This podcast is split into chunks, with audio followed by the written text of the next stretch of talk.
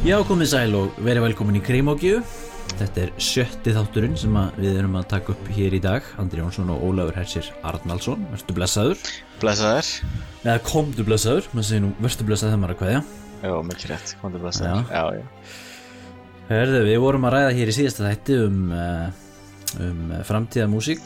Við vorum að tala um, uh, já, hvað vorum við að tala um? Við vorum að tala Jú, við vorum nú fyrst að að ræða um hann Francis Fukuyama og þessar hugmyndir hans um enda sögunar Já, sem er mjög svo litaðar af He Hegel.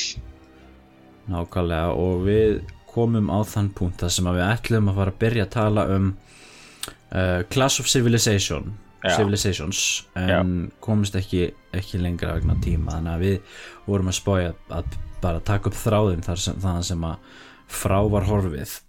Já, algjörlega Þetta er mynd hangir fast saman. Það það er mynd passað mjög vel að, að ræða núna hann Samuel Huntington hans hugmyndir. Já, sem er bandaríkjamaður. Já, já. Francis Fukuyama er það líka Jú, hann er það líka. Hann er náttúrulega ekki Japan eins og hljómari svona sé.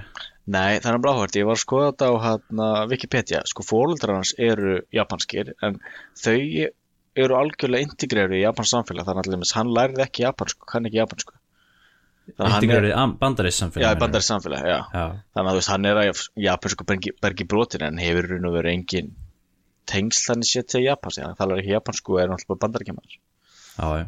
Já, En við, svona til þess að rifja upp fyrir hlustendum þá uh, voru við sérst, að tala um um sérst, kenningunum um það að uh, Pax Americana og, og, og, og, og eilifur kapitalismi og, og, og frjálst, frjálsmarkaður og, líðræði væri svona the thing to be mm. eftir fall kald, eftir hérna hrun Sovjetríkjana og endalug kaldastrisin sem er kjarnin í kenningu Fukuyama. Já, og, og við vorum að tala um það að það væri kannski ekki ja, við vorum svona að diskutera þetta svona málu, málu halda þessu fram en svo er náttúrulega annað sem að mælir mót þessu, gegn þessu og mér skilst að hann aðna Huntington og Class of Civilization sé er það ekki upprunlega ansvar við þessari kynningu?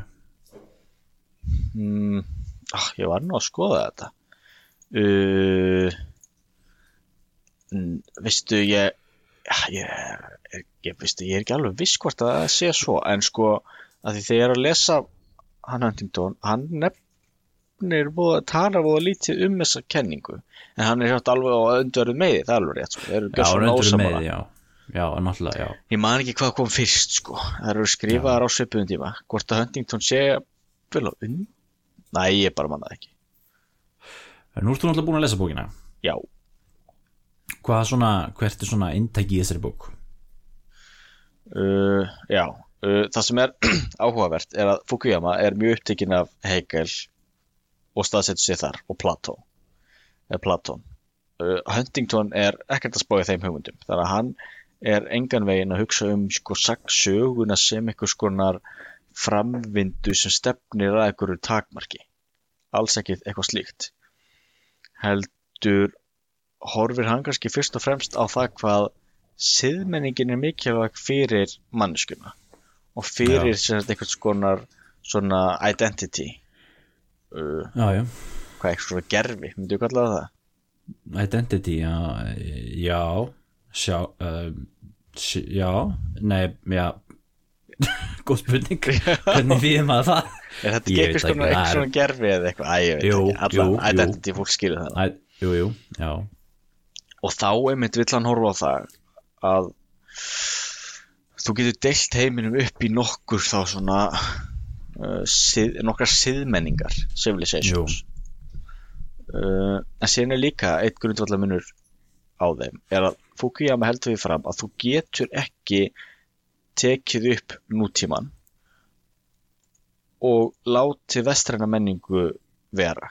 Sem að ef þú ætlar að verða nútímavætt ríki þá uh, með nútíma hagkerfi, byggja upp öflugan her, allt þetta sem ríkið þarf þá Mhm. neyðustu sjálfkrafa til þess að taka upp vestræna menningu. En þarna Huntington er svona ósamar þessu, hann heldur í fram að þú getur orðið nútímaríki þá mo- modernized er hugtæki sem hann notar en á sama tíma afneita þá vestrinu westernization. Já, já. Það er bara svolítið þegar maður er að lesa þetta þeir náttúrulega eru bara svo gjörsanlega ósamála og, og öll svona grundvallar atriði náttúrulega ekki eins og sammála um það þannig að þeir náttúrulega komast að já, gjörsanlega mismunandi niðurstöðum Jú, jú, og hann náttúrulega í rauninni það sem að Fukuyama er að tala um er auðvitað uh, að það hafi verið um, 20. stöldin hafi verið barótt á milli hugmyndafræða mm. og, og svo endar það með í rauninni með því að ein hugmyndafræði vinnur og, og heldur velli. Já. og meðan að uh, hann Huntington segir þá í rauninni að, að þetta sé sko tímabil hugmyndafræðana líkur Mhm. og, og við tekur aftur hvarf til hefðbundinar uh, menningar uh, baróttu það sem, að, já, það sem er ekki lengur hugmyndafræði. Já. Já. þar sem að, já, já, algjörlega dæmis og við ættum kannski að ræða hvaða siðmenningar þetta eru sem hann talar um. Það náttúrulega talar þá um vestrið sem er þá uh, vestur-Európa Bandaríkin, Kanada Ástralja og Nýjasjáland já, uh, síðan talar hann þá um það er alltaf áhugavert að hann skipti Rússland og Austur-Európa upp í annað menningarsvæði. Þá réttrúnaðar siðmenningu já, já, já, já. það er það frá Gríklandi og norður upp til Rússlands Jú, jú, við náttúrulega rættum það svolítið mikið einnig í þar síðasta þetta með svona munin á austur-vestur-Evrópu og, og það væri allt, hefði alltaf verið skil þarna á milli og já, alveg æfa fórt skiljurinn já, Svo náttúrulega ertu með Íslam þá og já, já, hinduisman í Indlandi og svona Cynic Civilization sem er nú fyrst og fremst Kína. Já, Uh, sinnik Já. en síðan er spurning sko hann aðskilur Japan frá Kína en það er samt alveg svona spurning sko hvort maður ætti að taka þá saman sem e- eina siðmenningu. Því Japan er náttúrulega rosalega litað af Kína. Uh, síðan Já. talar hann um sko hérna Rómunsku Ameríku sem sé að siðmenningu líka. Já, já, og svo mögulega sko eitthvað afríst, afríska siðmenningu. Það er, Akkur er rómanska Amerika sérsiðmenning á meðan Afrika er bara mögulega sérsiðmenning? Þetta er ekki frekar að vera öfugt? Uh, jú, en það sem er svo sko, ég er eiginlega kannski svona skeptiskastur út í þetta með Suður-Ameríku, því ef þú tekur Argentínu. Mm. Argentína og Úrugvæ er til dæmis rosalega hvít lönd í raun og veru.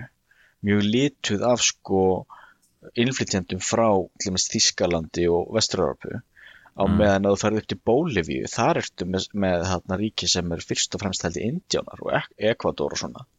Mm þannig að sko ætla að setja uh, Rómunsku Ameríku undir einn hatt og skilja hann alveg frá vestinu það er alveg rosalega ördi, þetta er eiginlega allt ka kaolsríki og, og núna er þau líka að vera rosalega lituð af hann uh, lúterskunni og, og svona protestantisma einhverjum Já, já, og þetta eru ríki sem er náttúrulega búin að vera undir sko hælnum og bandaríkjónum já, áhrifdur já. Og Evrópu og, og og Spáni Evrópu þar áður, já Það þetta er náttúrulega og, og þetta náttúrulega er, er þetta fólk náttúrulega afkomendur eins og þú segir, innflytjanda hvort, sem hel- hvort heldur sem eru mm, ég meina, indjánar í bó er, er þetta ekki, er þetta ekki algjörum minnhluta öllum þessum löndum er, Sko, er, er það ekki þau flokkur sem hefur verið næstu í útrýmdur? Nei, það er nefnilega mismunandi því það var svo mikið af fólki hérna þegar þeir koma að það þátt verið að það dáið margir náttúrulega úr hérna sjúkdómum og, og stríði og slíku að þá er alveg merkilega stórir innflytjandi indjónahópar og í sömum löndum eru indjónandir í meira hluta. Já, eða blendingar kannski. Já, já, náttúrulega blendingar líka en líka bara sko actually indjónars Já, já, sem kallar það allir þessi já. mæjarnir eru ennþá það er ennþá einhverjar miljónir mæja sem búa í Mexiko já, ok En síðan er það áhugavert sko. ég held að þú googlir það og skoðir sko myndir af hana, stjórnvöldum í Mexiko að þá er það eða allt hvítt fólk því þú sérð já. sko mikið sko að það er þessir því ljósara sem það ert því herri ert í raun og veru samfélagssteganum því dekkri, já. því, því Já, já það er merkilegt en síðan er líka. Já, já, oft þannig. Síðan er þetta líka með Afriku. Mér finnst það líka svolítið svona, sér spurningamerki við það, því þessi Afrika sem hann talar um, það er náttúrulega ekki Íslamska Afrika, sem er alltaf Norður Afrika og Austurlutin. Og náttúrulega Suðurlutin er náttúrulega kristin að megnum til.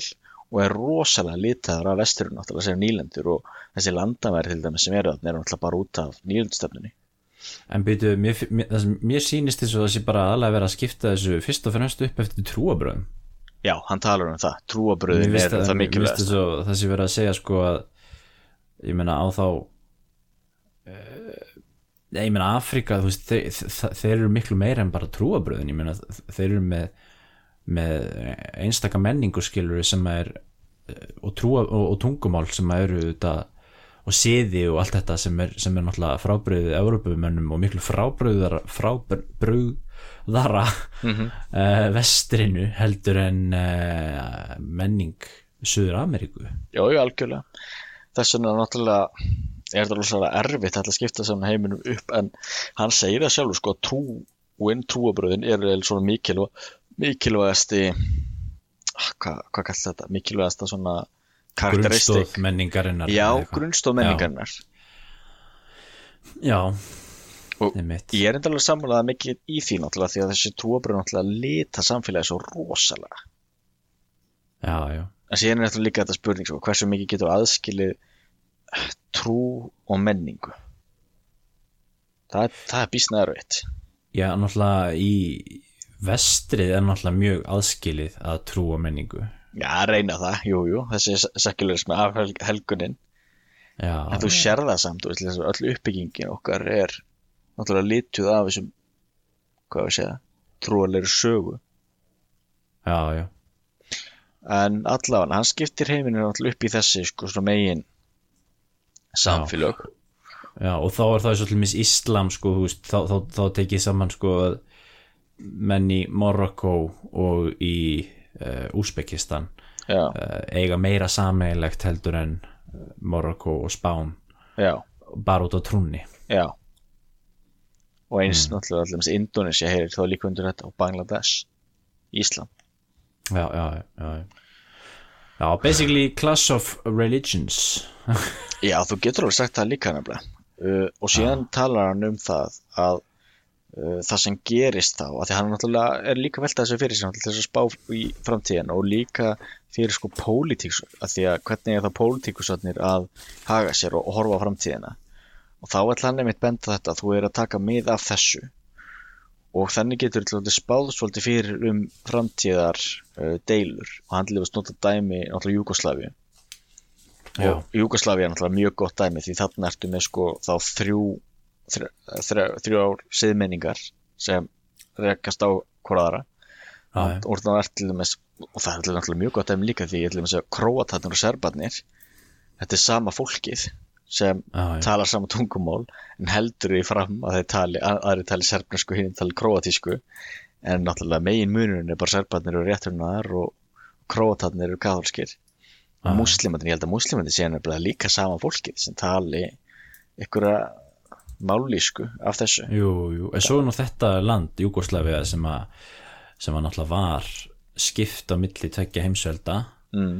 og, uh, og og getur náttúrulega verið að þú veist þar sé eitthvað svona uník saga þar sem að gera það verkum að, að hérna, og svo stóðast með setja heimstyrjöldina líka og kommunisman Jú, jú, all, allir þessi hlutir uh, gera það verkum að þú veist Júgoslavia springur þarna fram uh, í, í stríð. Jú, jú. en er um ekki það til líka alveg fullt af öðrum dæmum um þjóð, þjóðarbrót og menningar heima sem að lifa saman í einu ríki án þess að springa þessu púðutuna mm. Það er nefnilega í raun og veru frekar erfitt að finna slíkt dæmi því þú til, dæmis sko þú til, dæmis ákveðu að horfa á Íslam og þá þetta kínverska samfélag mm. Mm. kínverska siðmenningu það eru náttúrulega mikla deilur í þessu Xinjiang héraði sem Mm. allir mest og þar, þar allir með sérðu hvernig sko tyrkirnir, tyrkirnir náttúrulega hafa haft ákveðna svona drauma um einhvers konar pan tyrknest ríki. Sem var mjög stertlið sem fyrir heimstyrildinni og þeir hafa mikið verið að sko styðja þetta úgýr fólk í Kína. Já, og meðal annars sko hafa verið kínverðandi verið að deila við Tyrki vegna þess að þeir hafa Tyrkirnir hafa verið að horfa gegn fingur sem er hriðverkamenn og, og þá sérstaklega núna hriðverkamenn sem hafa verið að fara til Sýrlands að berjast. Já, já, en ekki það það frá úgjur svæðinu. Já, Sýkjang heitir það, hér að já, já, þar séu deilur. Þú getur líka hort á til Myanmar eins og mikið búið frétt á hann núna. Já, þar sem að bútistatnir eru að hrekja muslimina út og til Bangladesh.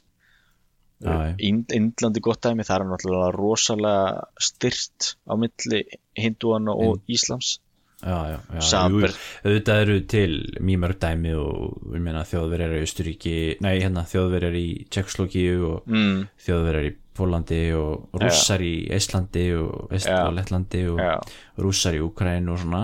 Það er alveg, alveg rétt að hérna hann er mitt ræður Úkrænu það líka koma að það, fyrir ekki að það koma hérna svona uh, uh, átök. Mm, en ég held nú að það séu líka ég meina rússar hafa búið í Úkrænu líka í, í, í mörg, marga áratíi áður en að átökin hann brutist út sko án þess að það hafi verið eitthvað vandamál.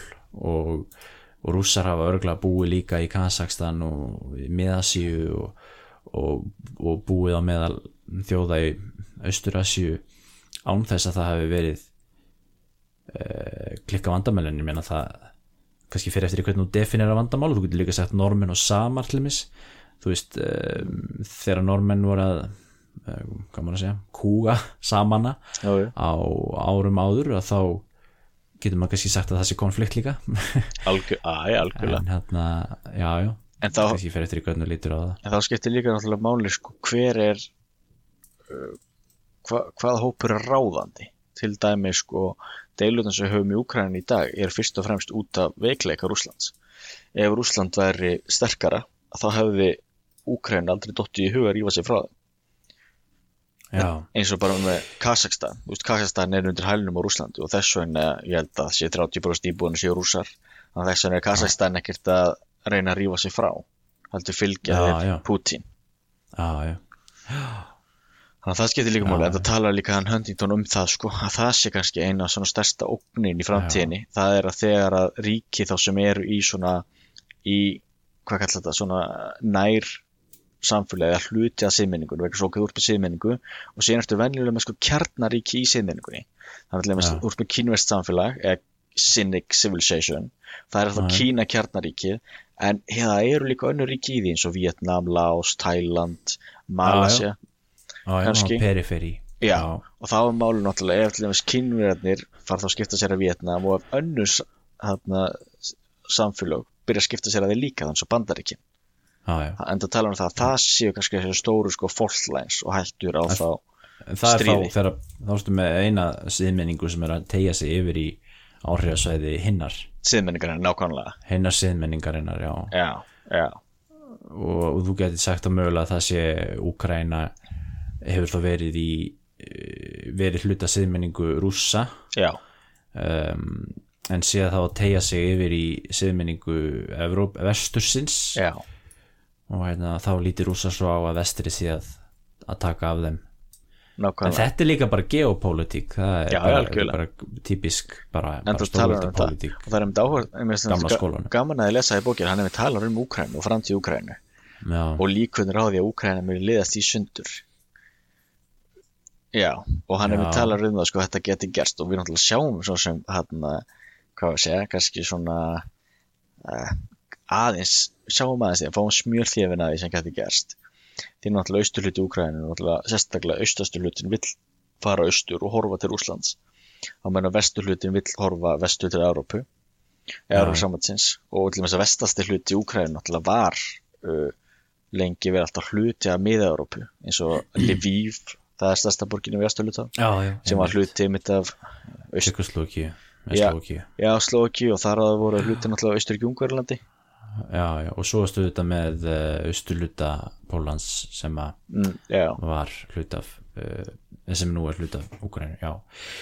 Heyrðu, já, þetta er aðeinslega og þá erum við að tala um það eins og við nefndum aðeins hérna, aftur hvarf urunni frá um, svona um, tímabili hugmyndafræða, hugmyndafræðana mm, aftur til þá uh, tímabilsins eins og við vorum með hérna fyrir um, já, á 19. öld fyrir fyrir heimstyröld þess að varst bara með svona þjóðríki sem voru bara berjast fyrir sínu hérna já, já, sí- sí- sínum stór karlalegu draumum um, um hver væri betri og, og svo framvegis og sem, Já. að, sem að endaði náttúrulega í fyrir heimstyrldinni já, og hérna og það er náttúrulega það sem að braut það svolítið upp var auðvitað að það komið þá fram þessar hugmyndafræði, hugmyndakenningar og, Mm. eins og, og sósialismin og kommunismin og nazismin og fasismin og, mm, og allt þetta Já. og, og braut það svolítið upp og þá er spurningin sko um, munu e, já heldur þú að það sé til í, eitthvað til í þessu að, að við munum ekki sjá aftur hugmyndafræði vera að uh, ráða ríkjum eins og við höfum verið að sjá núna á 20. við séum við séum þá að hverfa frá því og fara yfir í eitthvað svona gamaldags. Sko ég held að til skamstíma litið hafi hann Huntington rétt fyrir sér. Já, að það verði mikið sko deilur sem einkennast fyrst og fremst að, að siðmenningu. Já, til dæmis ef þú horfið bara á landamæri Íslams að þá er allir muslimatir í deilu við alla sem er eiga landamæri að bara því miður, þú veist, í Afríku þar eru deilunar milli þá kristina blökkumanna og, og segja muslima, fyrst og fremst araba. Uh, og með Filip segjar það sem hann myndan á eigin, Suður eigin var einmitt að fá ákveði sjálfstjórn núna, þar eru búin að vera öfgamenn núna í fleiri ára til að berjast. Mm, og síðan alltaf sér deilutinn Índland og, og Pakistan og allt það. Þannig að til já. skamstíma liti en ég geti trúið að sko til lengri tíma liti og myndi að horfa á nokkur hundruð ár fram í tíman já, já. að þá held ég frekar að Fúku og M mun hafa rétt fyrir sín enda. Já, ég held nú að hérna þegar ég hugsa um þetta þá, þá dettum ég fyrst í hug sko hérna bara heimsvæðingin skilur, gerir heiminn minni. Mm, og þá hugsa maður um þetta sem um, eitthvað svona leið til þess að þjóðuríkið sem konsept uh, feiti út mm, skilur, að við sem Íslendingar veist, við munum á næstu hundra árunum sko hætta að líta á okkur sem Íslendingar munum meira að fara að líta á okkur sem Evrópumenn skilur og, og, og, og þá munir sko munurinn á milli frakka og þjóðverja munurinn á milli spánverja og portugala breyta, bandaríkjumanna, Kanada Íslendinga, Normanna, Svíja og þetta, þess, þessar línur mun allar svona feiti burtu. Mm, á meðan að sko við munum þá frekar sjá munin á, á milli Evrópumanna og uh, Asjumanna eða, eða, eða Kínverja eða veist, svona civilizations sko, að það verði þá þú veist á, á þeim vettvangi sem að heims pólitík mun fara fram. Já. Og það er auðvitað oft þannig sem að menn sem að menn hafa séð fyrir sér framtíðinu og það er náttúrulega einmitt það sem hann er að tala um. Það er einmitt þetta sko að nattvæðingin heimsvæðing leiði til þess sko að einstaklingar í þessum samfélögum öðrum, sérstaklega þá til dæmis í samfélögum sem ekki eru vestræn upplifi þá svona fyrringu og upplifi uh, hvað við segja, eitthvað svona vöndun í lífi sínu og leiti þess það, leiti þá til rótana og Já. þannig styrkist á þeirra identity Já, en hann fjallaði, enda fjallaði líka um það í rauninni, eins og þú, þú byrjaðir á að segja uh, þetta disconnect á milli kapitalisma og vestrænar siðmenningar. Já, að þetta byrjar á því að, að ekki vestrænar þjóðir mm uh, ná, nútímavæðist án þess að vesterniserast já, og, og þannig getur það þannig standið þeir uh, jöfn, jafnfætis með vestrinu mm, uh, sem nútímavæðar þjóðir. Já um, án þess að sko vera aðhyllast vestrænan kúltúr. Nákvæmlega. Og hérna, já. En hann- og hann heldur og Huntington heldur að það sé hægt og ég held að það sé nefnilega ekki hægt. Ég held að Nei, hafa rátt fyrir sér. Ég held Já. að þú getur ekki nútímavæðist og, ek, og neita því að vestræniserast á sama tíma. En hvað er þá, þú veist hvað er það að vest, vesterniserast ég meina uh, ertu þá að tala um kristni eða? uh, nei, ég er þá fyrst og fremst að tala um svona grundvallar mannréttindi og frelsi það- og slíkt. Já, en er það eitthvað sem að bara vestrið á? já. Finnur þú hvergi annars staðar? Já, þannig að þú myndir þá ætlaði rauninni að ef að uh, kínverja myndi taka upp frelsorlýraði þá sé það sko, eða mannréttindi og svona, já, og þá væri þá þó vesternisering en ekki nútímavæðing bara. Já, En getur þú ekki með sama móti sagt að þú veist kynverjar taka upp sprengirheifilinn og, og gufuvélina og járbrautina að það sé þá að vesterni sérast en ekki að nútíma væðast Nei, ég myndi segja að tækninu verður meira nútíma, nútímavæðast en þú getur ekki sko uh, hvað að segja, eignaði tilengaðir tæknina án þess að tilengaði líka hugsunarháttin sem færði þið tæknina sem er þá Ja. þetta sko þetta einstaklingsframtak og frelsi og virða samninga og, og slíki hlutir til dæmis, við tökum bara sem dæmi uh, í kínversku samfélagi þá er hérna harmoni svo- svona eining og samstaða grundvallaratriði þannig að Ah, það ja. sem stríðir gegn þess því það er lítið á það sem hættulegt. Þannig að þess vegna er það sko einstaklingurinn sem ætlar eitthvað að rífa sig upp og vera einstaklingur og, og, og brjótast fram að gera eitthvað. Hann er slegin niður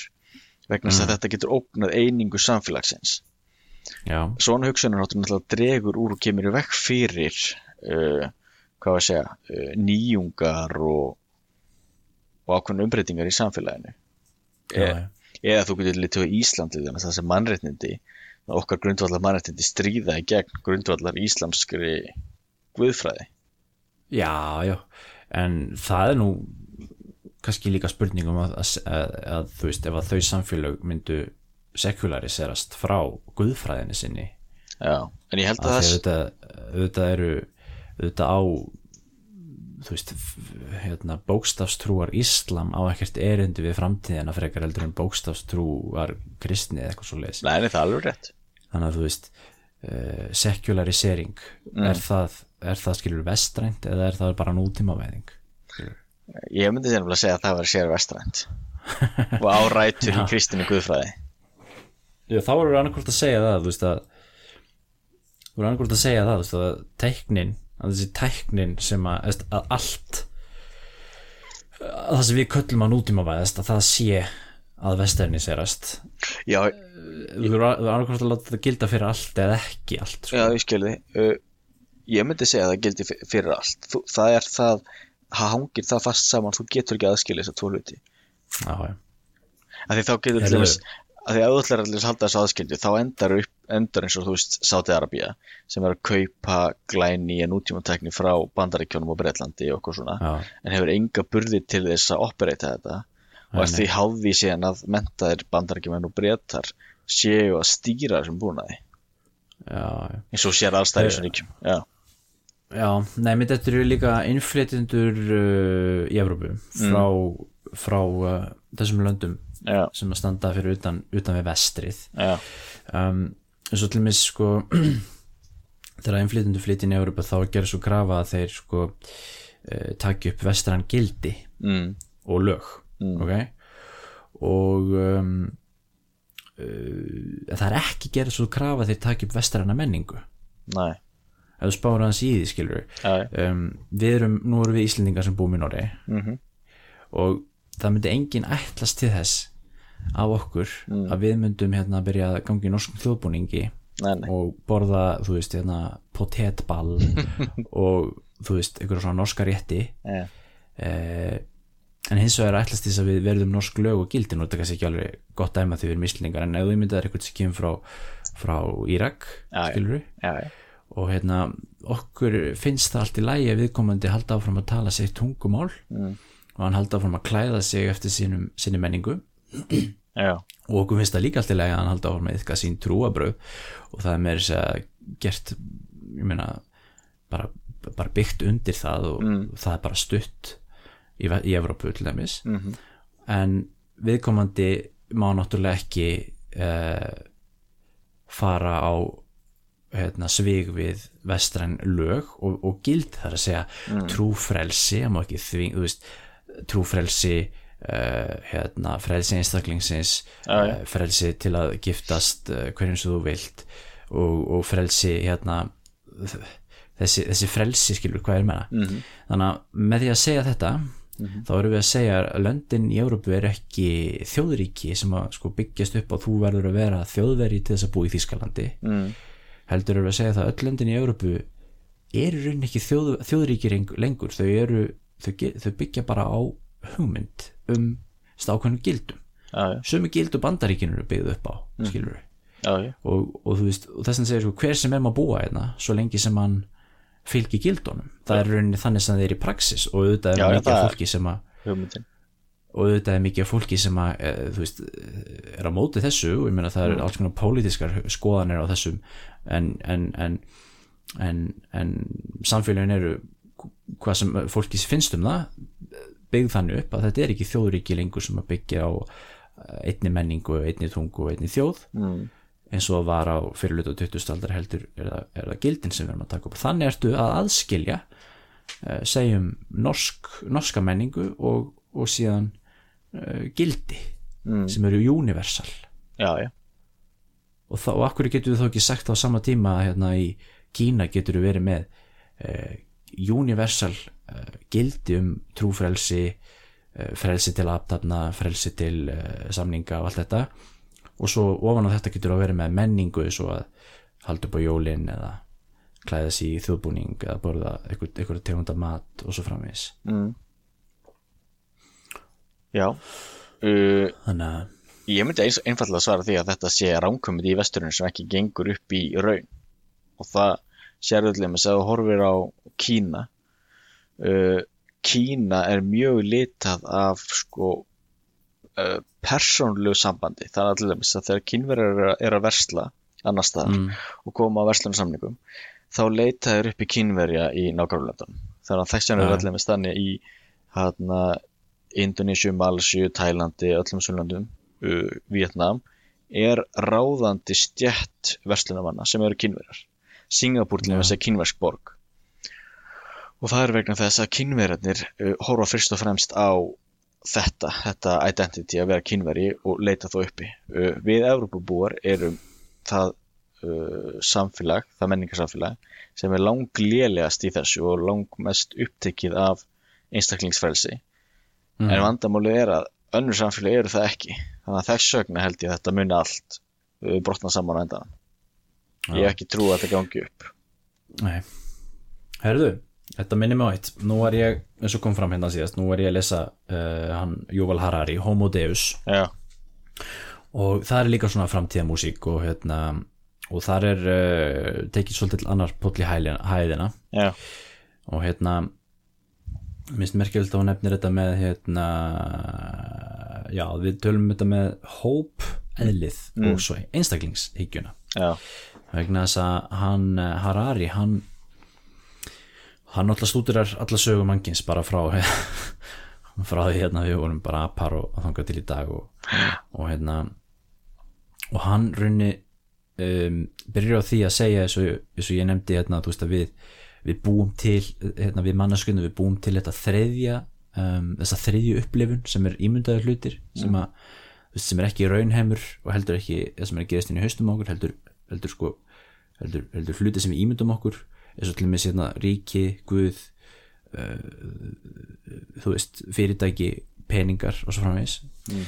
og um, og svo erum við með siðferði skilur, hvað er rétt og ránt og hvaðan kemur sannleikurinn. Já, og hérna mjög aðtegluvert greining á því hvernig hann setur upp um, teknovísindi versus trúarbrögð. Já, og trúabrögð eru samkvæmt hans skilgreiningu í rauninni um, þessi, þetta, þetta, þessi þriðja upplifun um, hluti sem við búum okkur til sem eru í rauninni ekki til í rauninni heldur eru bara til í hausnum okkur og eru til í okkar samskiptum svona kollektiv hugmynd skilur uh, ég meina þú veist ég geti sagt skilur ég get búið til eitthvað guð hérna það skiptir engum máli uh, nema margir trúa þennan guð skilur þá er hann allt í norðin eitthvað sem er uh, haldbært skilur Mm.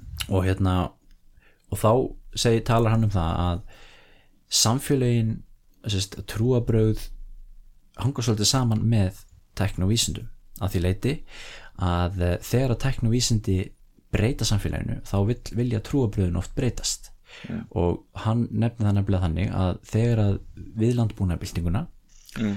að þá hörfu mennirnir frá sko andatrú sem að veiði menn og safnara voru með mm.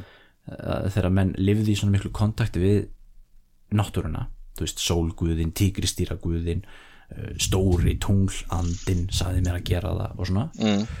um, og þá fara menn yfir í fasta búsetu og landbúna og þá byrja menn að búa til miklu flóknari trúabröð sem að um, fast læsa eða hvað maður segja sem staðfesta samfélagsstruktúrun sem þú ert búin að búa til það er að segja Mm. Guð á toppnum eða Guðir á toppnum Mm. og, og, og sem að við sem samfélag vinnum saman að því að efla heiður hans, þú ert bóndi á akrinum skilur þú býr til mat sem að þú selur á markanum uh, og þú borgar skatt til kongsins allt þetta er gert uh, vegna þess að þú veist Gu- Guðin vill það, hvort sem það er Jehova eða, eða þú veist Þór eða eitthvað, eða hvort það sé mm.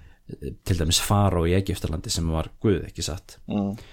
og svo komum við inn að þessu þegar innbyltingin á sér stað og, og það verða teknibreiting um, tekni og vísindabreiting í, í hérna í það áttina að við hverfum það frá kristnum samfélagi yfir í humanist samfélag Mm.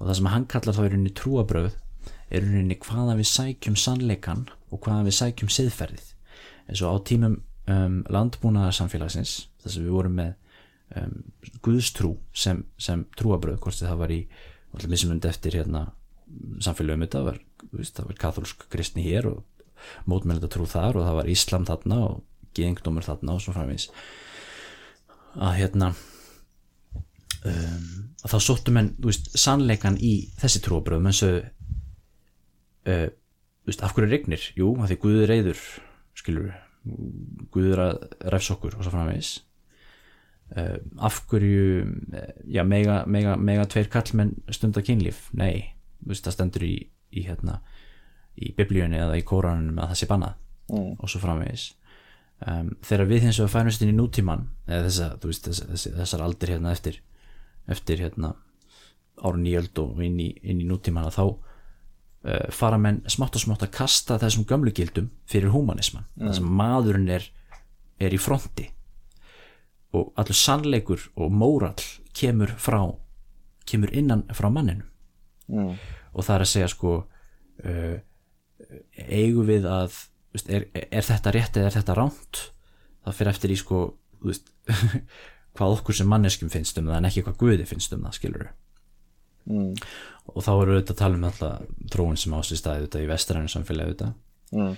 svo nefnilega, svo er komin að þessu sem ég ætla að segja hérna með, með hérna, hóp hugsunin og einstaklingshugsunin er að, er að hann lítur á það svo leiðis að um, humanismi sé trúabröð alveg svo guðstrúin og, og andatrúin Já. um, nema svo verður klopningur í þessum trúabröðum og, er, og þá er það liberalismin uh, einstaklingshyggjan í rauninni sem að segir þú veist kjósandin hefur alltaf rétt fyrir sér hvað þér finnst, það skiptir mestu máli og, og, og þitt frelsi sem einstaklingur og þú veist frelsi þitt til þess að trúa það sem þú vilt og frelsi þitt til þess að gera það sem þú vilt og frelsi þitt til þess að stopna fyrirtæki og hafa frjálsviðskipti og þú veist og, vi, og hérna um, viðskiptavinurinn hefur alltaf rétt fyrir sér og þetta Mm. og ef að þú vilt stundum kynlíf með öðrum kallmanni á þess að það skaði nokkurn annan þá er það í því að þér líður vel með það Mm. sko, þú veist, mér er alveg sama hvað Guði finnst um það eða einhverjum gömlum bókum eitthvað já. þetta er, þú veist, e- hérna, individualismin og, og liberalismin Mm. og svo kemur þá í rauninni hinn sko greinin innan humanisman sem er þá félagshyggjan Mm. það sem að þið segja sko upplifun einstaklinga er mismunandi það sem er gott fyrir einn er slemt fyrir annan og svo framvegis og þá segja þeir skilur frelsi frá fátækt og svona og, og, og, og, og, og í þessum samfélagum að það er þá eins og þú varst að lýsa hann með Kína sko hérna einstaklingur sem að skara fram úr hann skemmir fyrir heildinni og þú veist og, og þar að leiðandi sko já, og svo er rauninni þá þriðagrein eins og ég heldur áfram með þetta, þessa yfirferð að, að það er þá rauninni þróunarfræðilegur humanismi eða evolutionary sem að segja sko, þú veist, eitt er betur en annað og konflikt á milli þessara tvekja e, bætir skepp, ma- manneskjuna sem skeppnu, það er að segja Mm. getur svo þú sér til dæmis í nazismannum og fasismannum sem segir sko, þú veist uh, það er, það er uh, mælanlegu munur á kynþáttunum Mhm. og þú veist, eitt kynþáttur verður að útrýma öðrum annars verður hann sjálfur útrýmdur svona félagslegu darwinismi Jú, jú. og, og svo leiðir hann þá líkum að því að, að þá komum við að Fukuyama sko að þá í rauninni vinnur liberalismin í rauninni þetta, þessar, þessar, þetta borgara styrjöld eða komur sér trúabræða stríð humanismas, það er að segja uh, liberalismin versus uh, félagsækjan versus uh, þróunarlegur humanismi Já, og, heitna, og eftirstöndum við þá í rauninni með, með liberalisman í dag sem er svo, svo, svo, svona ráðandi grein innan þessa. Mm, og hérna og ef þú lítur á þetta svona út frá þessum er, svona, þetta er náttúrulega algjörlega ný sín auðvitað á einhvern veginn eh, samfélögum manna og þú veist einhvern veginn að sjá þetta fyrir sér svona sko. Já, og hérna, nei þá finnst mér aðdeglivert að, að hérna að þegar þú kemur svo, svo þú komið að Huntington og hérna Class of Civilizations og trúabröðun þetta sko að, að þá í rauninni sko uh, að þá eru trúabröðin eins og Guðs trúabröðin sko, þá er það í rauninni uh, outdated sko, úrelt hugmyndafræði, úrelt trúabröð það er eitthvað sem að tilheri landbúnaðsamfélaginu sko, áður en að við fórum að trúa á humanisman og manneskjuna sjálfa Mm. skilur við Mm. og hérna og, og hérna já og svo er rauninni sko þegar að vera teknibreiting aftur Ég meina núna erum við að fara að gangi gegnum aðra teknibreiting aðra einaðbyltingu sko. Já, þá munu jafnvel koma einhver ný trúabröð sko. Eitthvað annað en humanismin já, eða eins og sem við vilja kannski meina afturkvarf til guðstrúarinnar en þá er kannski aðri sem myndi meina að það væri afturkvarf í þróun. Já. Já, ég er já, já ég er nefnilega ég er, er ósamlega þessari hugmynd ég sko fyrst og fremst ef þú ætlar að reyna að brjóta trúabröðin einhvern veginn svona upp og þetta sé afspenningi uh, samfélagsins til dæmis er sko geðingdómur uh, ha, upptök geðingdómsins er ekki landbúnaðsamfélagið geðingdómurinn á, á rættu sinni er ekki til hyrðingasamfélagsins og þeir voru hyrðingar þessir fyrstu uh, patriarkar. Já, og geðingdómur lifið lengi sem, sem hyrðingatrú þar sem þeir eru að flakka í, um miðasturlönd uh, síðan er það líka þannig að þú ert með ákveð tímabil í mannkinsögunni sem, sem við kalla sko the axial age sem, Já, er, já, já. sem er tímabil þar sem að, sko, það eru rosalegir umbró, umbróta tímar í, í trúabröðum einmitt. Þá ertu að tala um hérna ertu ekki að tala um hérna Sókrates og, og þetta allt saman? Heins, heimsbyggi kenningarnar í vesturinu og svo ertu á sama tíma með bútismann í austurinu. Já, já, og þú ert líka með geðingana og hvað, þú ert með, jú, ert með grikkin og logos, þú ert með indverðin og þeir eru með sína hugmyndir um Brahman geðingarnir Já, með. Hokma, kynverðarnir og Tá Æ, þannig að þú ert með þarna ákveðna umbröðutíma þar sem að sko aðskilin menningarsamfélag er að koma fram og komast að svona dálítið sameiginlegum niðurstöðum einblýna á réttlæti uh, siðferði hvernig þú átt að vera sem manneskja en núna er Já. náttúrulega að það við náttúrulega komum frá gjörsanlega mismunandi hérna, hvað er að segja uh, sjónurhóknin ég er náttúrulega að líta á grundvallagildi er náttúrulega guðstrúin og guð. Já, á meðan þú lítur á að það sé ekkert slíkt heldur er þetta bara náttúruvísindin og ég veit ekki hvað maður er að kalla mikla kveld hvort það sé tilviljun eða hvað það er. Já, já, já, þá ertu að tala um staðarindir sko. Um, sko staðarindir eru staðarindir Já, já, þú, getur það sagt sko. En, en svo ertu með þetta sko hérna, en þá myndi ég segja sko einmitt þetta að þú ert með fólk um allan heim sem hefur þörf fyrir trú að þá sé það eitthvað Já. innbyggt í manneskunni sem, sem sköpuð vera að hafa trú. Og þessi trú eins og hann er að skipta þessu upp í tímabil er allt og mikið einföldun, einföldun á mjög samanber Já. það, ég myndi, það er ekki tilvinnun til dæmis að það eru þessi, uh, hvað við kalla það Abrahams trúabröð sem eru gjörsanlega ráðandi í raun trúarlega í dag og eru þau trúabröð sem eru að vaksa hraðast og það er vegna þess að tala veginn til sko- mannsins já en að gullöld þessara trúabræða er á miðöldum Nei, nei, nei, alls ekki. jú, það, ég meina þú veist þessu á síðustu hérna í þessu tímbili sem við kallum nútíman mm. sko, hversu mikið hefur um, sko, hafa trúar hreyfingar Mhm. hversu mikið hafa það lagt kreatíft til samfélagsins annað en, en bara reaksjón? Allt saman, öll, öll vestræn vísindur upp, sko, spretta upp úr trú, trúarbröðun upp úr kristninni. Ok. Go on. Nei, nei, bara gjörsana, þú veist hugmyndin til dæmis, svo hugmynd að þú getur farið út í náttúrunna og rannsaka fyrirbreyðu og uppgötu einhvers konar lög og reglu, það er, sprettur upp á kristinni guðfræði, að þú ert með guð sem er einhvers konar uh, vera sem stendur utan við alheiminn og er þess svona, Ja. sem kallar á ennsku transcendent, þess vegna getur aldrei mælt guð eða, eða einhvern veginn bundi guð hvað varðar uh, einhver svona empiríska rannsóknir en þú ert með Ja. þennan guð sem er svona upphafið og skapar, skapar heiminn og Já, í sköpun sinni býran til eða setur ákveðna lög og reglur sem því að síðan manneskinn getur farið út í náttúrun og uppgötvað.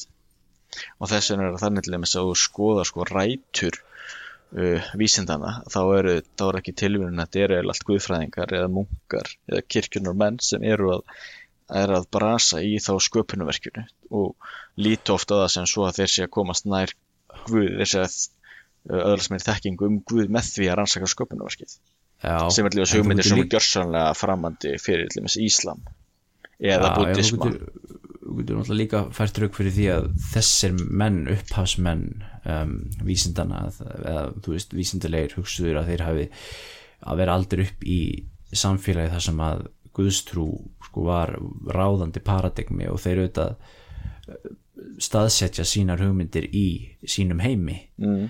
en svo ef þú segir svo eins og hérna já, ég minni svo miðöldum á miðöldum voru klaustrin fræðasetur og, og þú veist, veist þetta sem þú ert að segja veist að uh, það komu margar nýjungar í eh, fyrir samfélag mannana í gegnum frá trúabröðunum og frá trúar um, já, kannski ekki bókstafunum en allavega kannski þessum stofnunum í kringum trúabröðin eins og þessi klustir og þetta. Jú, uh, og þú talar um hérna Axial Age, þú veist, við erum að tala um það að þú veist að auðvitað voru trúabröð á miðöldum uh, sko mótern, skilur, það var flott og nýtt og skilur, þetta var ný hugsun skilur þegar að trúabröðin koma fram engins, þegar engins, engins trú kemur fram og, og reyður burt fjölgiðis trú ég meina það lítur að hafa verið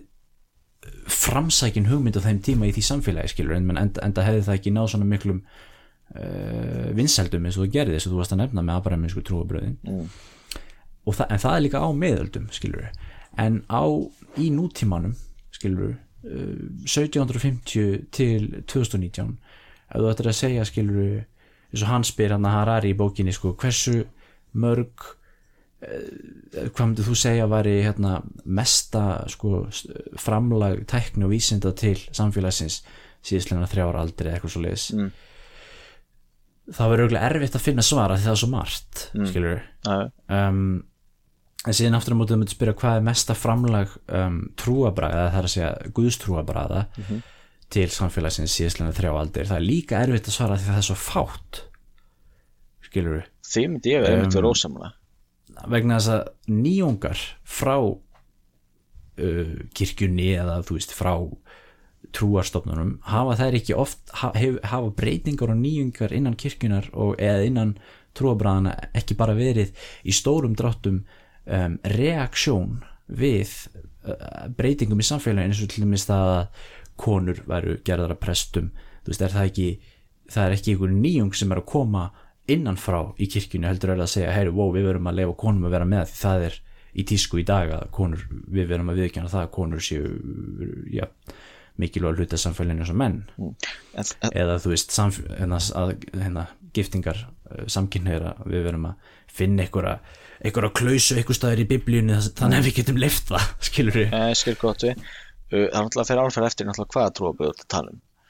Uh, við myndum kálska kirkjunu sem dæmi. Kálska kirkjan hefur oft verið sko uh, voðalega íhaldsum og, og barist á móti, það er alveg rétt. uh, en síðan aftur á móti ertu til dæmis með hérna mótmældasöfnurina og það er alveg ekki tilvörun að þú horfir á uh, sögu læsis þá eru þau ríki sem eru í fremstu röð eru mótmældaríki til dæmis Skandinavia og þar ertu með uh, heittrúamenn til þess í píðismannum sem börðust fyrir almennu læsi og skólum einmitt til þess að fólk hætti lesa biblíuna. Og jú, þú, maður er svo sem sagt að það sé kannski ekki svo nýtsamt að geta lesið biblíun en þegar þú er búin að læra að lesa þá getur náttúrulega lesið hvað sem er.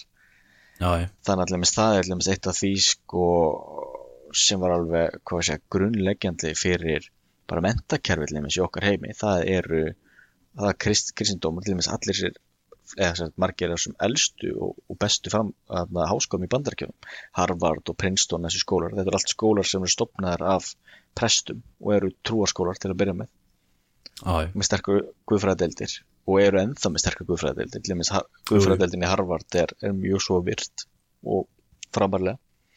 Þannig að sko, þú getur aldrei já. slitið þetta frá sko, eða allir með sjúkrahúsin og, og hérna, öll velferðarþjónust en þetta er þannig að Hegel talar um það að hann segir að þegar að uh, þessi humanismi vinnur í fransku og bandarísku byltingunni að þá er þetta ekkert annað en bara kristin gildi nema hvað þú er bara búin að fjarlæga svolítið guð frá. Og það er náttúrulega það sem þessir humanistar gera.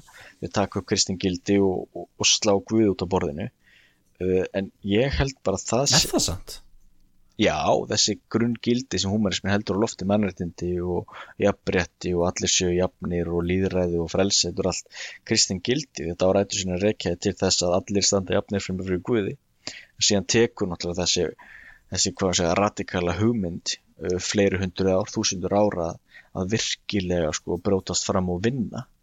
En til dæmis getur sagt að uh, hugmyndir Lúthers um uh, þetta almenna prestadæmi þar sem allir standa jafnir fram fyrir Guði, allir er hafa aðgang á biblíun, allir er að lesa og, og vinna sín eigin persónulegu trú ítti rosalega undir til dæmis líðræðisjúmyndir og einmitt í líkt undir þetta er- mentun og slikt Þetta er ein uh, Þetta er ein, ein leið að sjá það. Það er, er alveg rissulega rétt að hérna, og kannski ekkit svona vinsæl sko, Mjög þetta ekki vinsæl, nei. er- Það er alveg hérna og hérna alveg, alveg að alveg hægt að sjá þetta svona. Og ég hef nú líka svo líka alltaf sagt að það er náttúrulega hérna, besta leiðin til þess að horfa á hlutin er að sjá það frá mörgum sjónaróðnum og, algjörlega. og, og hérna, taka allt inn í myndina algjörlega sko. En síðan svo í sjálfu hreinskilin þá get, ég alveg tekið dæmið það til þess með norsku kirkjuna í dag að náttúrulega eru elementi einræðinar sem eru á móti uh, uh, móti giftingu samkynnaðir það er allir með svo að vera að tala um bara núna í dag vort land, að það er ákveðin prestar sem neita að fagna alltarskungu uh, sakramentunum með öðrum prestum sem vilja víja samkynnaða þannig þetta er náttúrulega með afturhaldsöfl líka en Já, þú ert með framfæra sækinu öfl og þú ert með afturhaldsöfl. ég, mér langar að hérna koma aðeins inn á það sem ég nefndi áðan með hérna nýstarlegu tólkun á uh, trúabröðum og sambandi trúabröðu og vísinda um, sem, að, sem að ég tek úr uh, Homo Deus sem að er mjög svona aðtilverð svona lesning af því að ég hafði aldrei svona einhvern veginn hort á hlutina frá þessu sjónar því þegar við hugsaum um trúabröð þá hugsaum við alltaf auðvitað bara um það sem við kallum í daglutali trúabröð sem er guðstrú mm. en, en Harari auðvitað segir að trúabröð en er svo humanismin er líka trúabröðurinn út frá þessari skilgreiningu mm. og hérna og að því að ég nefndi á þann að um, staðrendir eru staðrendir sko óháð því hverju þú trúir Já. og mikli kvellur og, Sammála og, hérna, og Adam og Eva og, og þetta, saman, þetta er allt saman spurningum um staðrendir og, og hérna Skulum gerna Eh, ræða það en- smá Já, en hins vegar sko um, mórallin sko, siðferðið Mm. uh, það er ekki byggt á staðrendum og vísind og tækni geta ekki uh, gefið okkur siðferði og, og þess vegna er vísind og tækni háð trúabröðum hvort sem það eru hvort sem það er guðstrú eða humanismi Mm. Ef við lítum ef við, ef við bara svona svo hlustundu séu á því að þegar ég segi trúabröð núna svona undir áhrifum frá þessari bók þá er ég að meina þá er ég að meina svona lífskoðun eða hvað ég að kalla það. Já, lífsín, já, lífskoð lífsýn, já, já. Um, spiritualismi sko er náttúrulega annað. Sko það að komast í tengingu við Guð eða trú Mm. er annað sko, það er eitthvað persónlegt og eitthvað sem þú upplifur í hausnum. Mm. Sem hefur, sem er ekki tengt sko endilega einhver svona siðferðis kenningakerfi Nei, nei, eitthvað við trúa kerfi og, hvað það er. trúa kerfi, skilur við mm. og, hérna, og þess vegna getur þú alveg lifað að verið humanisti þú getur uh, haft humanísk gildi sem að, sem að ég segja séu hérna frelsi og líðræði og þetta allt saman séu humanísk gildi en þú hefur bent hérna á að, að þú vilt meina það séu stofnun til kristingildi sem ég held að séu örgulega margir ósamala bara búið aðhelga þig. Já, en um, hvað ætlaði að segja? En einstaklingur sem að aðhyllist þessi gildi hann getur auðvitað verið spiritúli sko, hann getur haft trú á Guði eða, eða hérna, hva- hvaða uh, yfirnáttúrulega fyrirbrið sem er á, og, og haldið áfram að að haldi í, í heiðri uh, kennisetningar humanismans Mm. en hins vegar ef að þú já, en hvað ætlaði ég nú að segja? Já, t- t- t- tækna vísindi og trúabröð því að þú getur þú getur sko byggt lest uh, uh, guðulest sem er tækni uh, hérna fyrir breyði sko. En það sko hvert lestin á að fara Mm. hvað þú ætlar að gera við þessa lest já, uh, og, og hvort það sé gott eða slæmt að þú hefur byggt þessa lest það getur tækni vísindi ekki svarað. Það getur mm. uh, mo- hérna, siðferði, siðf- siðfræðin svarað skilur algjörlega. Og hérna og um, þá komum við að uh, ákveðnum punkti sem að er uh, framtíðin. Mm. og uh, tæknibreytingar sem að við erum fa fara að gági gegnum eins og hérna, líftækni og nanoteknologi og þetta. Já, það sem að sko og gerfigreind það sem að í rauninni sem að þú veist, kristir menn í dag eru mikið örgulega á móti allavega þeir svona kristni svona pólitískir flokkar eru yfirleitt á móti öllu sem kemur að þessu mm. og hérna uh, en þú getur alveg líka sagt að um humanismin skilur sem að uh, siðferði sem að, sem að humanistar sem alltaf, þetta er bara flest fólk Mm. uh, byggir sig á veist, það það líka það til að kontrollera um, tækni breytingarnar algjörlega og ef við lítum aftur í söguna svo kapitalisman Mm. og hvernig hann rís fram Mhm. auðvitað er það einfaldast að nota bara þræla vinnu sko. já, það er, ef þú lítur út frá ef þú, ímyndað er sko, þegar kapitalismin var að byrja og hérna þrýðningsveslunin var mm. þú veist, þú notaðir hérna þræla, þrælahaldi af því að það var ódýrast og einfaldast og best. Mm. en svo komu, já, voru ekki að stofnunum til kristni menn jú, sem að voru að mótmæla þrælahaldi og það var lókum afnumið. Og, og, og upp fengum við í rauninni eh, kapitalisma sem var miklu minna, að koma að segja, dýrari að þú þurftur að borga fólki laun. Mm. kannski ekki verið með þræla, skilur við já, já, þannig að þú veist þetta var dýrar, þetta var verra fyrir kapitalistana en ég menna þeir, þeir breyttu samt vegna á trúlega ástæðum. Og svo kemur við fram á 19. ölduna og við getum beitt þessari sömu aðferða þessu sama módeli og litið á verkaliðin í Európu hérna, sem vann á tímum uh, eins og á tímum Marx miða ölduna uh, við afskaplega slæmar aðstæður skilur við og, og hérna og, og, um, og þá kemur raunin þó félagsseikjan fram eins og, trú, eins og eða sósialismin fram eins og eins og trúabröð skiluru með siðferðilegan móral mm. sem að sem að hérna e, sem að gera það verkum að þú veist kapitalismin á 20. stöld breytist, hann verður dýrari vegna þess að þú getur ekki leftir að, að arðræna vinnuaflið svo var gert á 19. öldinni skiluru Mm. en ef að þessir uh, þessi trúabröð hefði ekki verið til staðar að, til þess að regulera vísind og tækni sem að í þessu tilfelli voru þá fra, framleyslu tæki vesmiður og, og allt þetta skilur Mm. að þá hefðu við haldið áfram með í rauninni hérna, sko, slæmt kerfi það sem var að vera fara illa með vinnufólk skilur og þau fengu ekki 8 tíma vinnudag og fengu ekki uh, sjúkratryggingar og almanatryggingar og allt þetta skilur Mm. og hérna þegar við færum okkur inn í núna nýtt tímabil það sem að það sem að atvinnumarkaðurinn mun breytast og öll tækni er að breytast sko með ekki bara samskipta tækni eins og interneti og þú veist símar og allt þetta heldur líka þú veist svona nanotækni og, og líftækni og þetta. Já, 5G sko svo er að tala núna. já þá má sko þá, já, þá er ég aftur komin eins og sem ég var að nefna sko, er það humanismin sem að sem að mun stýra því eða, eða erum við að sjá afturkvartu trúabræð eins og, eins og þú vilt eða fyrir ekki guðstrúar eins og þú vilt kannski myndi kannski segja eða myndi við sjá kannski eitthvað eitthva, eitthva algjörlega nýtt sem við getum ekki ímyndað okkur? Já. Sko, ég held persónulega að, að kristin trú sé svo trú sem er eftir að vaksa mest. Og ég hef fulla trú að menn voru að lesa biblíun eftir þúsund ár. Já, og mér finnst að annar muni falla frá. Og það held ég að sé fyrst og fremst út af sko eðli biblíunar uh, því það sem var gleymist sko oft, sérstaklega þegar fólk er til þess að spyrja ef, ef fólk ykkur spyr sko lest trúuru, eða lestu biblíuna bókstaflega? Trúuru biblíuna bókstaflega? Að þá er það í raun og veru mjög heimskuleg spurning því þú getur eins spurt sko ef þú ferð inn í bókasafn trúuru bókasafninu bókstaflega? Lestu bókasafninu bókstaflega? Það skiptir allt málega, það fyrir allt eftir í hvar þú stendur í bókasafninu. Hvort þú sérst að lesa sko skáldsögur eða hvort sérst að lesa sögu eða náttúrufræði. Það er náttúrulega eins þannig með biblíun biblían eru sko 66 bækur. Eða sett okkar biblía. Og til dæmis ætla sér að lesa sko fyrstu fimm mósabækur sem einhvers konar náttúrufræði. Það er náttúrulega bara jafn mikið þvættingur og ætla að lesa einhver sko íslensku ljóð sem náttúrufræði.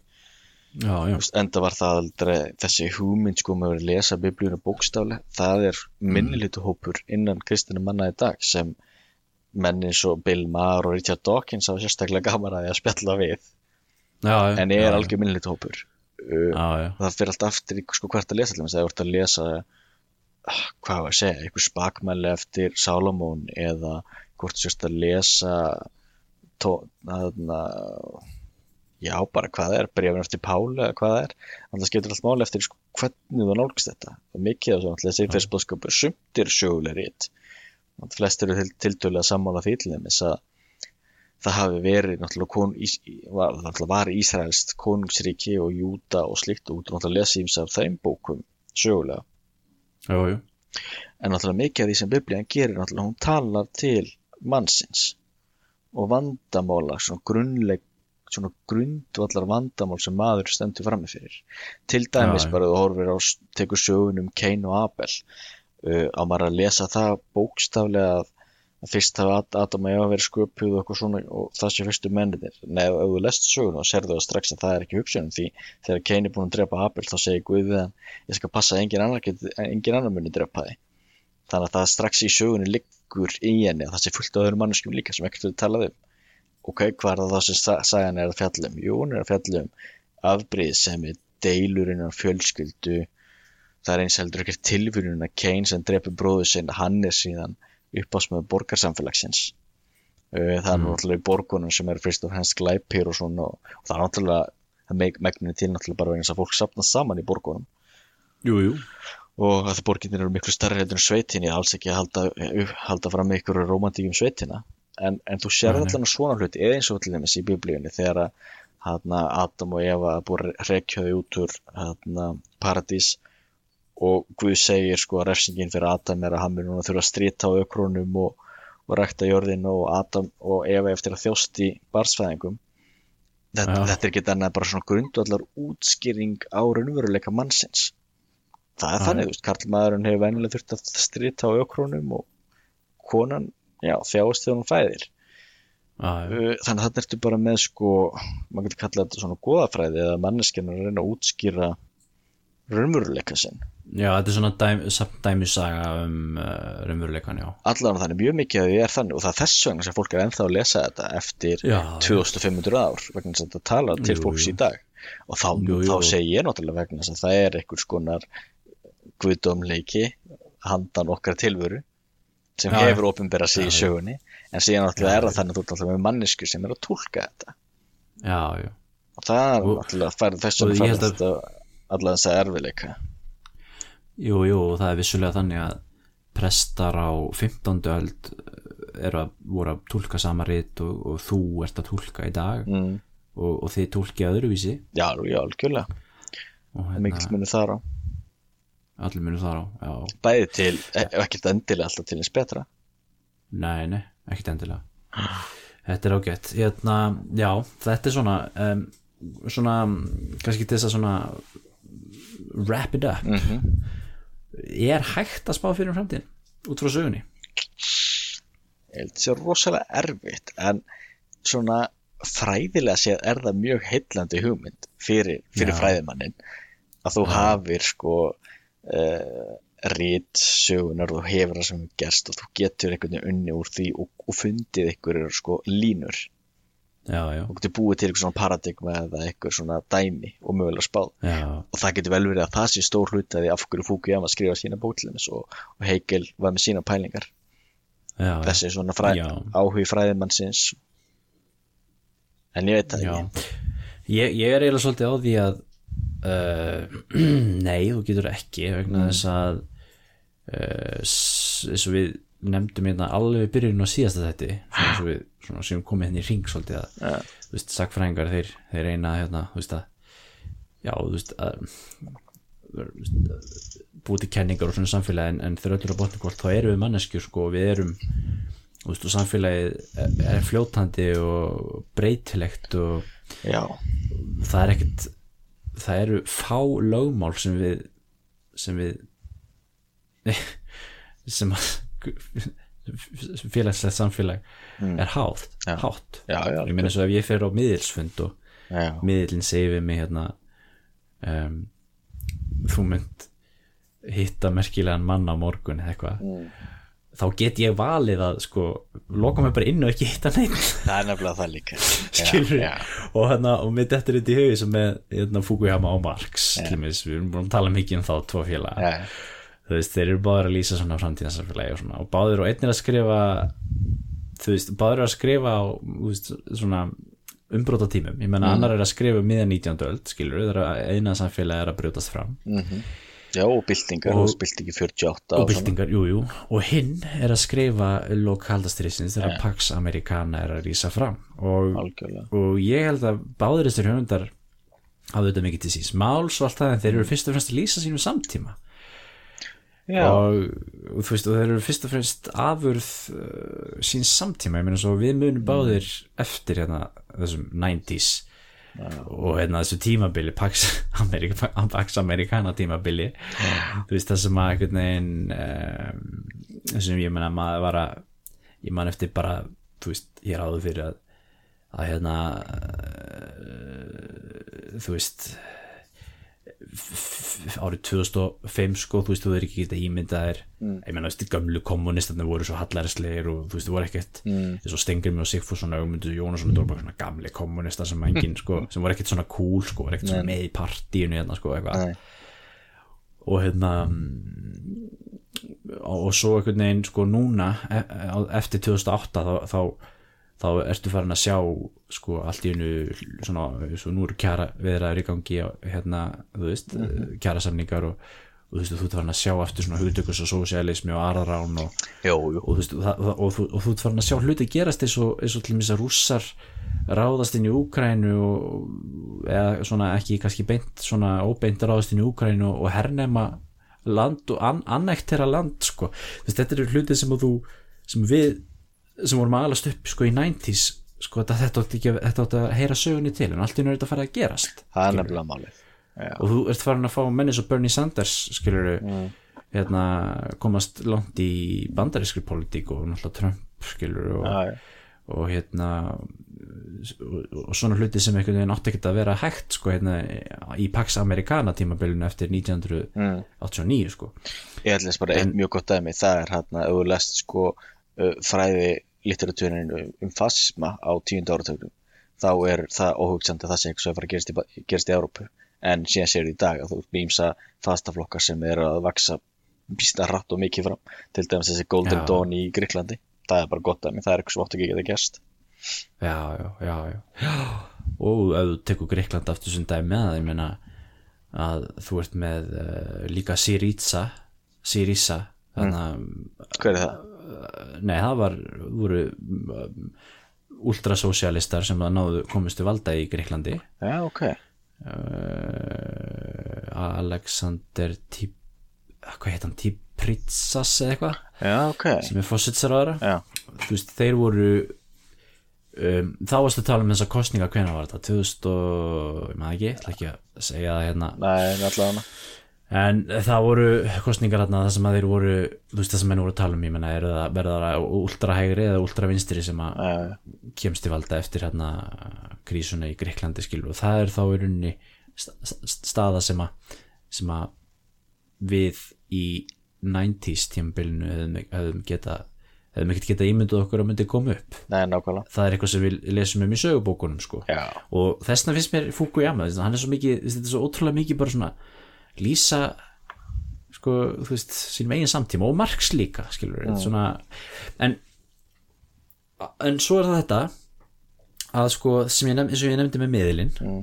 að uh, Marx lýsir einhverju framtíð mm. skiluru uh, það mun bara halda áfram að vera hryllilegt arðrán og kúun þar til að það verður gerð bylting Mm. og allt verður betra uh, það sem það allt sem hann leysir af læðingi er auðvitað það að, að sko, sósjaldemokrat og kapitalistar koma saman og mynda velferðaríkin sem er í dag skilur já, já, já, og þess vegna fengum við ekki þessa byltingu skilur já.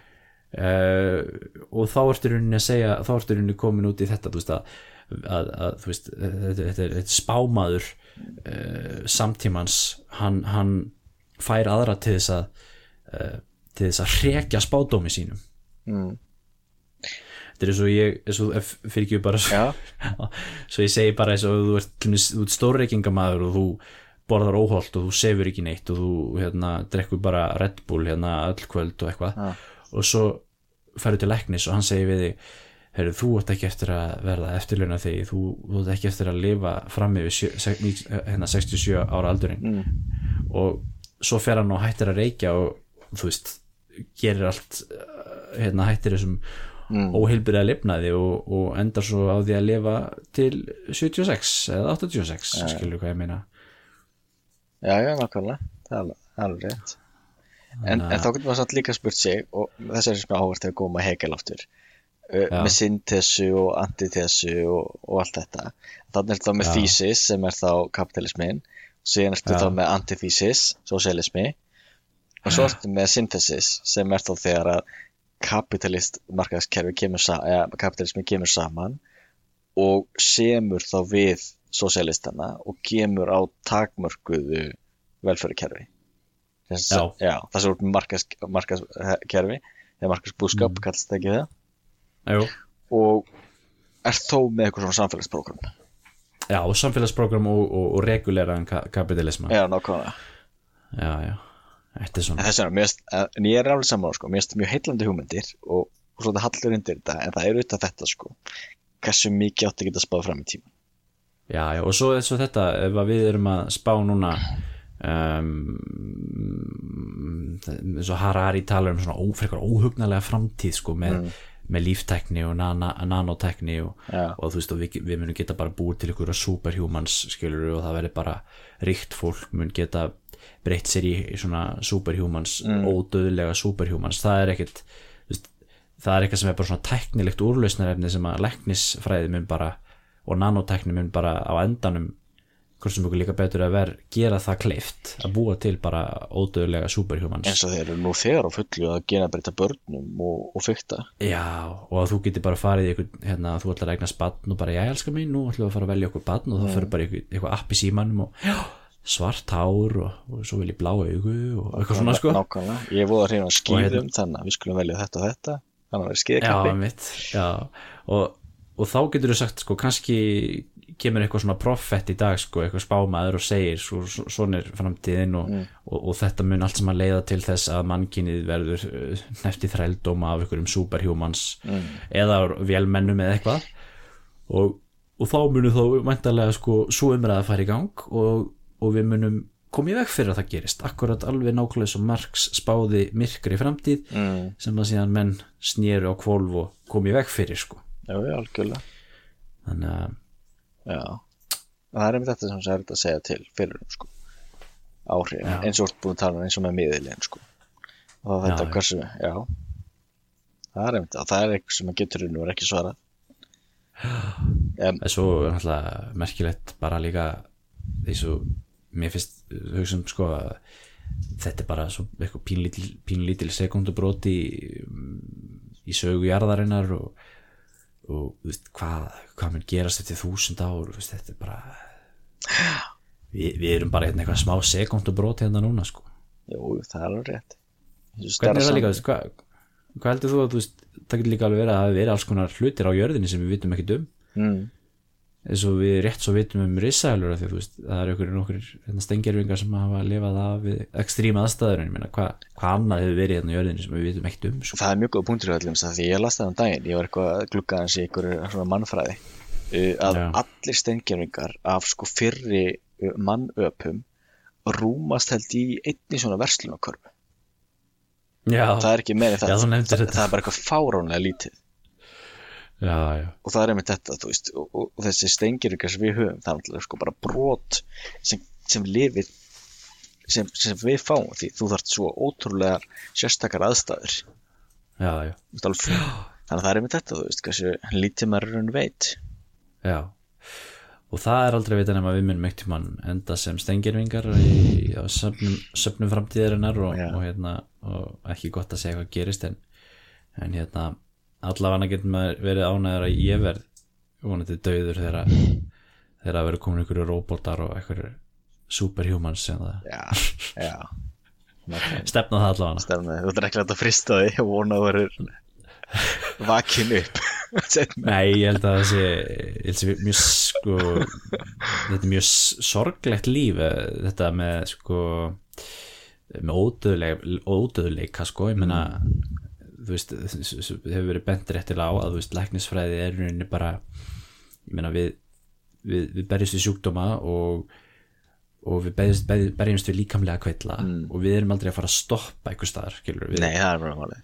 Þú veist, þeir eru bara að fara að halda áfram alltaf þannig að búin að eigða út öllum líkamlegum kvillum Já. þú veist uh, eins og, segir hérna death is just a technical problem that can be solved by technical solutions já, nákvæmlega. Og ef þú ert komin á þann stað að þú ert ódöðlegur en þú náttúrulega þú ert eins og goðinn þú getur verið myrtur skilur og þá, þá dörður náttúrulega en, en þú ert ódöðlegur og öðru leiti sko þú myndir ekkert, maður myndir ekkert þóra að fara út skilur maður myndir ekkert þóra að láta sjá sig meðal manna að hættu að vera, að vera myrtur eða eitthvað skilur Já, það er spurning. Já, við sjáum til með þetta er eitthvað fleira sem að þið, sem að þið langar að ræða svona í sambandi við framtíðan eða ég að fara kannski bara slúta þessu? Og við fyrst, það er eitt sem ég átti að segja það er mjög svo Já. við varum að ræða það nú um daginn. Það er þannig sem að, að það er eitthvað fyrirtæki Svíþjóð sem fara að bjóða upp á það að búa til svona rafrænt koppi af uh, látnum ostinum. og í, sem byggist á því þá að þeir samna öllu upplýsingum það er alltaf fullt upplýsingum um okkur á netinu. Þeir fá þetta Já. allt og þeir setja þetta í eitthvað forrit eða eitthvað algoritma. Já, og síðan er það þannig sko að þú átt þá að geta talað við einstaklingin og spurt að spurningum Já. og þá mun þeir uh, svara því sem þessi manneski myndi mest að líkindum segja. Já, þetta er þess bergu tæki sem við höfum núna sem er mjög svo óhugnarlega ímsu leiti já, því að þú ert þá í rauninni með þetta er bara algoritmar Já. bara svona bot sem að byggir á já, uh, já, hvernig viðkomandi já, emitt hvernig við komum til var sko. Já, og þetta sérstaklega að tala um eins og ég sko ef þú myndir vilja fá rafrænt koppi af mér sko ef ég verið döður núna. Já, að Þú halda áfram með, myndi- með hlaðvarpið ákvæðlega sko. Halda hún að tala við döðan mann. Hugsaðu til Andri hvað það komum mjög mikið efni í, í botan núna af hlaðvarpinu nákvæðlega Þú tekið allir þessi- allar þessar upptökur okkar og mata það inn í botan já, já, og svo getur þú tekið þú, allar töl, þú getur bara tekið gmailið mitt bara og hent því inn. Já, og svo getur þú bara tekið hérna, chat history og Facebook og hent því inn Já, og svo já. bara býrum til eitthvað eitthvað, eitthvað úr því sko. Hugsaðu sér, já, já þetta er svona Jöp. Herðu.